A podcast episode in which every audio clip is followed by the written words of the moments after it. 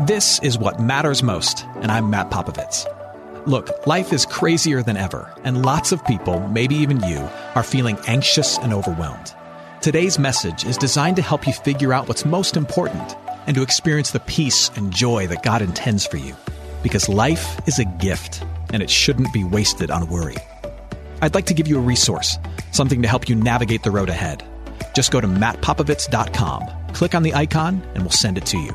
That's Matt, P-O-P-O-V-I-T-S dot com. And hey, if you happen to live in the Houston area, I'd love to see you on a Sunday morning at St. Mark in Spring Branch. Head to stmarkhouston.org to plan your visit. Here's today's message. Thanks for listening. we are picking up in a study of Jonah that we started last week. And one of the things you need to know, I said this last week, but I'll say it again. What you need to know is that this book of Jonah is so much more than the story of some guy and a fish. This is the story of a man, Jonah, whose job in life, his job in life was to be obedient to the voice of God. And yet when he was given the opportunity to do exactly that, he shook his head no and he headed for the hills and he refused to surrender to what God said was his will. And so God then came to Jonah and, and he told him to make his way to a city called Nineveh and to call them out on their unbelief and to invite the Ninevites to follow this one true God. And typically Jonah would have been okay with that. But Nineveh was an enemy territory. It was 500 miles away by donkey. It sounded about as fun as a heart attack. So Jonah hired a boat and he headed in the opposite direction, only to find himself being chased down by God through a massive storm. Now, the reason that this story has resonated with people for thousands of years, for millennia, is because it's really our story. It's your story and it's mine.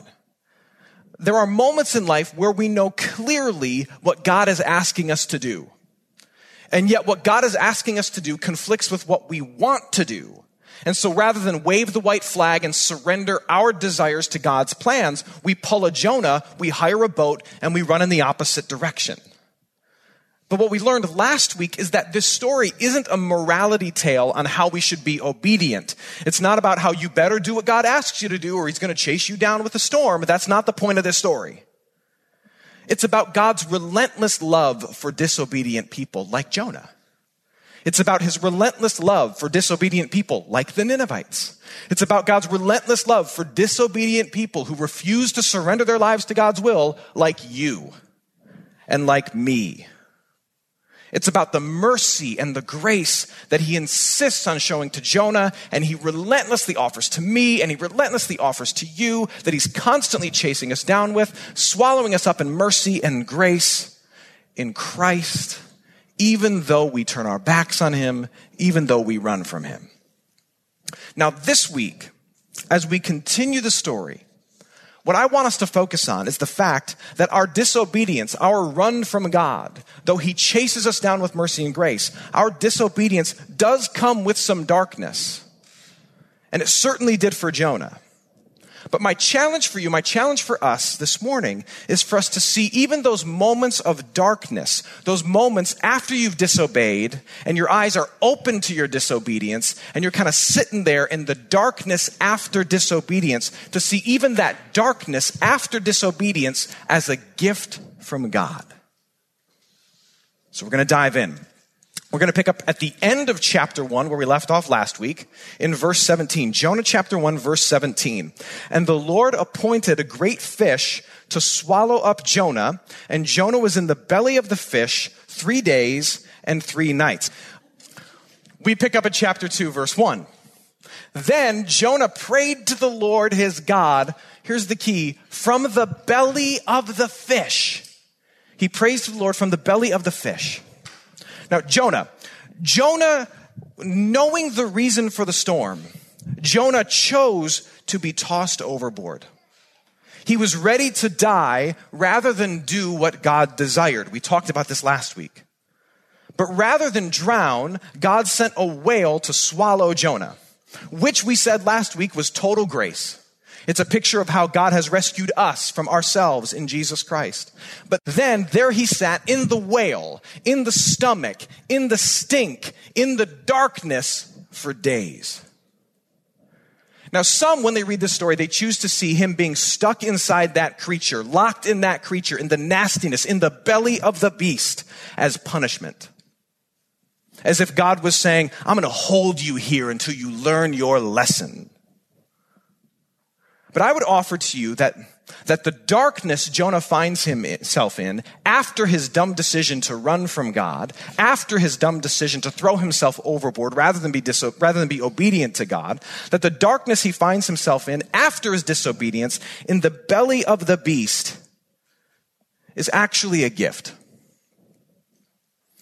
It's a gift for two reasons. First, when you're in the darkness after a dumb decision, it gives you the gift, if you choose to take it, of perspective.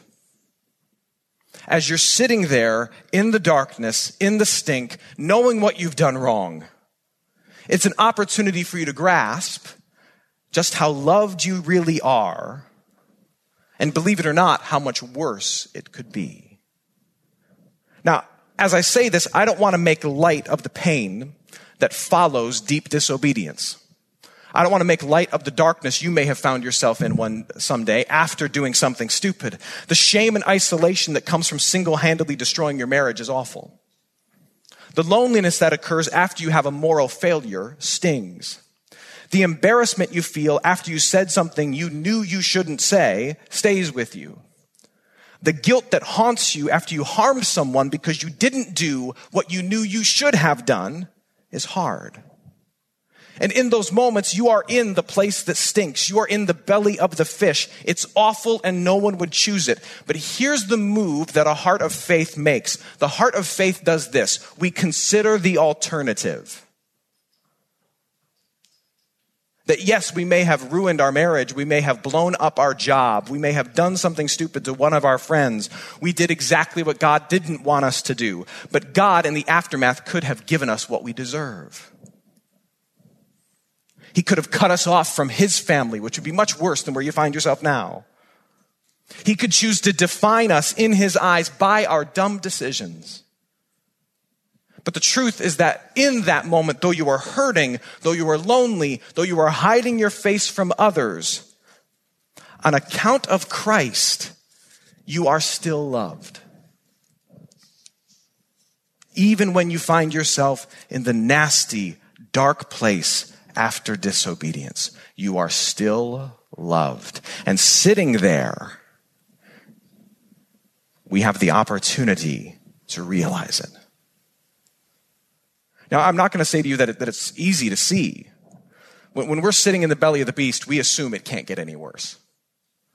We assume that that is the worst of it. When we're sitting in the aftermath of our dumb decisions, often our hearts don't pivot to the fact that we are still forgiven through the grace and mercy of Jesus Christ we don't see how much worse it could be. It's like if you if you've ever uh, if you've ever tried to discipline a teenager or a child of any type. It's like when you discipline a teenager. If they could only see it from the parent's perspective, they would be so much happier. I mean, you take away their phone, you ground them, you give them serious chores, and they complain like the world is over. Oh, you are the worst mom ever. No, no, I'm not. You should hear all the things I wanted to do to you in my head. I, I, I almost, I almost sold you. I Googled it. That would have made me the meanest mom ever. But I didn't. You should be glad. Psalm 103 says this The Lord is merciful and gracious. He's slow to anger and abounding in steadfast love. Steadfast is a translation of the Hebrew word chesed, which means unending, relentless love.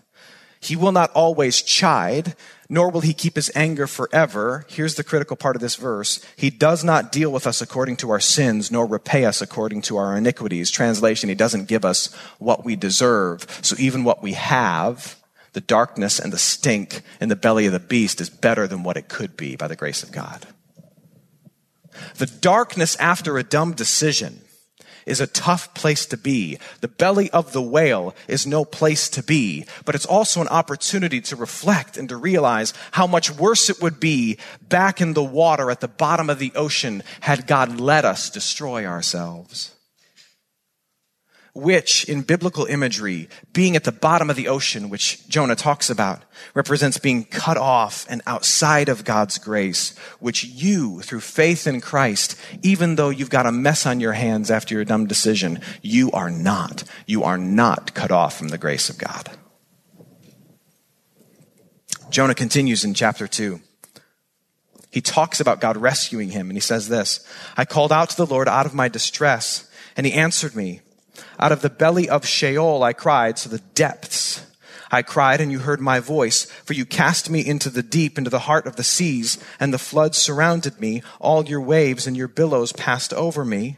When my life was fainting away, I remembered the Lord, and my prayer came to you in your holy temple. Those who pay regard to vain idols forsake their hope of steadfast love. What I appreciate about Jonah is that for all of his faults, he makes the most out of these three days rather than sit in the belly of the beast and whine and say, My life is horrible. I hate seafood. This is the worst possible outcome. He discovers the second reason why darkness after a, a dumb decision can be a blessing. He discovers that it's an incredible time to call out to God who hears you. It seems to me that no matter how many times you and I, we hear the gospel, the gospel being the good news that God the Father loves you on account of Christ apart from your actions. No matter how many times we hear that, when we screw up, when we disobey, we instantly assume that God is now tuning us out and he won't hear from us and we're alone. Some of us assume that that's how God works. We screw up, we disobey, we refuse to do what we know we're supposed to do, and he's done looking at us. He's like, nope, you screwed up. You've started to struggle. I'm out. But the truth is this what Christians believe is that does God get angry with us? Yes, but He's poured out all of His anger for our rebellion. He poured out all of His anger about you, all of His anger about me. He poured all of His anger out on Christ. So that now when He looks at you, He doesn't have to break eye contact with you out of disgust. He never closes His ears to you out of anger even though you run from him, even though you've disobeyed him. He never turns his face from you. Why? Because he poured all of his anger, all of his frustration, all of his angst over your rebellion out on Christ so that when it came time for your rebellion, when it comes time for your sin, he can still look at you with eyes of mercy and grace. I hope you're enjoying today's message. For more of what matters most, you can head to mattpopovits.com. There you'll find other messages. You can support this ministry as well as access your free gift. Oh, and if you're looking for a local church and you live in Houston, come and see what's happening at St. Mark Houston. To plan your visit, head to stmarkhouston.org. Thanks for listening, and back to today's message. Maybe you grew up with a passive aggressive parent or, or maybe you live with a spouse who does like the whole silent treatment thing in order to squash your dignity and, and stay in control when you've made them mad. And so you assume that God must work the same way. But it's not true. When, when it comes to drawing close to God, there is no better time to draw close to God than your lowest time. There is no better time to draw close to God than your lowest time. You want to know why? Because when we're in the belly of the whale, we have the opportunity, as we said, to reflect and see just how loved we are, but we also see ourselves as we truly are.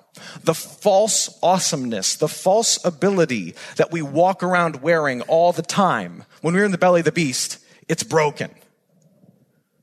We see the errors of our arrogance. We're humbled. We're ready to receive hope and peace and the promises of God that are ours in Jesus Christ. And when you call out in prayer in the middle of that, that is a prayer that God always hears. It's a prayer that He always answers. There is no better time than your lowest time to cry out to God. So, in the darkness of disobedience, the first gift is that we get a perspective of grace. It is bad, but it should be so much worse because I've run from God and yet He hasn't run from me. It's the first thing. And then we understand we can call out to God. And in my lowest time, it's the best time because I am utterly honest. I am utterly seeing myself for who I am. And I am ready to receive hope and grace and mercy. Some of us right now, we are we are in a really dark place in our lives. We, we are in the belly of the beast because of some dumb decision. And you're in a dark place, and I'll just be very honest with you. You've not done anything with it. You're just kind of sitting there wallowing in the whale juice. Maybe it's time for you to pray. Maybe it's time for you to cry out to the God who chose not to destroy you. It might be time to reflect on the fact that it could be worse and to say thank you. I know it's not great, it's horrible, but it could be worse and say thank you. And I know that some of you have a bunch of pride. And that when your life sucks because of some bad choice you've made, the last thing you want to do is be the one who finds Jesus right after screwing things up. I get that. But listen to me, I'm going to say this with love. That's dumb. I mean, what's your other option? I mean, if you're really struggling, what's your other option? To try and do things differently with your life according to your own terms and, to, uh, and by your own power?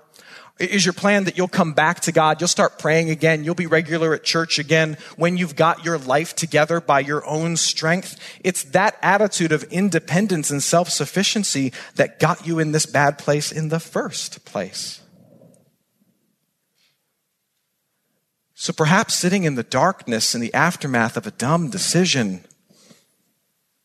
the best thing to do is to call out to God, to confess your sins, to cling to Christ.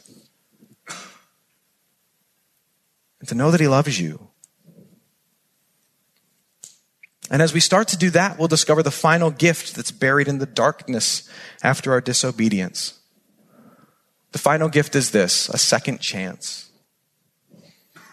Jonah chapter 2, verses 9 through 10. Jonah, again telling his story, he says, But I, with the voice of thanksgiving, will sacrifice to you. What I have vowed, I will pay. Now he's saying, I will worship you. Salvation belongs to the Lord. Thank you for rescuing me. He's saying, Thank you for rescuing me, even as he's sitting in the stomach of the whale. And the Lord spoke to the fish. Here's the best sentence in all of Scripture. And it vomited Jonah out upon the dry land. So here's what happened. Jonah, in the darkness of disobedience, he gives thanks to God and he's vomited out of the whale onto dry ground. Now you might find that to be gross, but let's think about this just for a second. There are only two ways to exit a whale. This is by far the best option. But Jonah didn't just to get to leave the whale and do his own thing. He left the whale and he stood on dry ground. And as we'll see next week in chapter 3, God orders him straight to Nineveh. He orders him right back to the thing that he was running from. He orders him right back to that issue of obedience. The same is true for us. Uh, we're sitting in the darkness of disobedience. I should have done this. I didn't do this. I chose death over obedience. But you, God, you love me and you forgive me. But I'm sitting in this dark place after I've ruined this relationship or I've screwed up my job or people are looking at me sideways. Now I'm sitting in this dark place, but you still love me. That's my grace filled perspective. I'm calling out to you. You still hear me. I'm giving thanks to you that you haven't turned your back on me in the middle of this dumb season in my life. And as I come to my senses, what I find is that I'm standing on dry ground and God is giving me a second chance too. He's going to look at me and give me a new opportunity for the old obedience. He's going to give you a fresh start at tackling those same problems. You are dangerously ignorant if you think that after failing to obey and receiving grace, that you're never going to have to face that situation again. That you'll never have to worry about being obedient in that moment again. No, Nineveh will be there waiting for you when you leave the whale. The obedience you avoided in your first marriage that blew things up will be waiting for you on the other side of the whale in your next marriage. It will be. The disobedience at work that cost you your job and sent you into a spiral will be waiting for you on the other side of the whale in your next job, so be ready for it. The same collision of human brokenness and personal pride that made you leave your last church and go into a spiritual desert is waiting for you on the other side of the whale in this church. Only now you have the smell of the sea and lessons learned and stories of grace. So, what will you do? I know some of you are thinking, man, God could never give me a second chance. Like he loves me, he forgives me, I get that, but I just kind of need to wallow in this whale for a while. But you don't understand, second chances are what God is all about. The God who brought Jonah alive and unharmed out of the belly of the whale after three days has the power to do a work in you as well. His desire is never for you to sit in punishment. His aim is never for you to sit and stew in the darkness after disobedience forever. His job as you sit in the aftermath of doing something dumb is for you to realize, yes, how broken you are, but how loved you are through the work of Jesus Christ. His will is for you to realize how far you've fallen, but how much you're forgiven through the person of Jesus Christ. For you to say, I may be sitting in the belly of the whale, but it's so much better than drowning in the sea of my own stupidity, unloved by God. Thank you, Father, for loving me. Thank you for forgiving me. Thank you for opening my eyes. You know, the world loves an underdog rag to riches story, but no one ever wants to be the dog or wear the rags. I get that. But there is nothing more powerful than someone who is covered in scars, soaked in whale vomit, who's able to stand on dry ground and say, you know what? God is good. I have learned some things. I have experienced grace and I am seeking to surrender my life to God's purposes. When you see someone who's been through it, that brings incredible honor to God and it speaks volumes to other people. Let me close with this. I'll give you a little Bill Nye, the science guy moment. There is a technical term for whale vomit. You learn things here at OSNY. There's a technical term for whale vomit. Some of you might know this. Do you know what the term is for whale vomit? Ambergris. Ambergris, that's right. It's called ambergris. It's actually a substance that forms in the intestinal tract of whales. And uh, believe it or not, it's incredibly valuable. Whale vomit is incredibly valuable. At first, it's worth nothing because of, well, the smell of it. But as it sits on the beach or it floats in the water for ages and ages, um, it loses its odor and it actually becomes very sweet and it's sold for tens of thousands of dollars, believe it or not. And do you know what it's mainly used for? It's made to make the most expensive, most highest end perfume. So what starts out as something absolutely disgusting becomes something of incredible beauty and great value. Our life is full of opportunities for us to surrender our will to God. Our life is full of opportunities for us to do what we know through the gift of our conscience or the clarity of God's word, what God wants us to do. And each time we refuse to do what God wants us to do, it is disgusting. It is repugnant in the eyes of a holy God. It should crush our hearts that we would rebel against the one who gave us life. That we would choose to use our breath in rebellion of the one who gave us our breath. It's disgusting. It's what Christians call a sin. But because God the Father has already punished your disgusting sins on the cross of Jesus Christ and connected you to life in Him in your baptism, God in His mercy chases you down not with judgment, but He chases you down with grace. And He forgives your rebellion and He uses the darkness after your disobedience not to crush you, but to bless you, to lure you back to Him, to give you a fresh perspective of mercy. And He promises in those moments to hear your prayers and then, though you are covered in junk, he will always offer you a chance to stand on dry ground and try again. Always. And as a result, in your life, what starts out as something disgusting becomes something of great beauty and immense value, just like whale vomit. Amen. Hey, it's Matt. I hope you enjoyed what matters most. Here's what I need you to know life is a gift, and it shouldn't be wasted on worry. I want to help you figure out what's most important and to experience the peace and joy that God intends for you. So, for more content, you can head to mattpopovits.com. That's Matt, P O P O V I T S.com. There, you can also support this ministry as well as access your free resource, a little something to help you navigate the road ahead. I'd also love to see you on a Sunday morning. If you're in the Houston area, head to stmarkhouston.org to plan your visit. In the meantime, Hit me up on Instagram at mpopovits or at facebook.com slash Matt Popovits Ministries. Thanks for listening. Now go and hold tight to what matters most.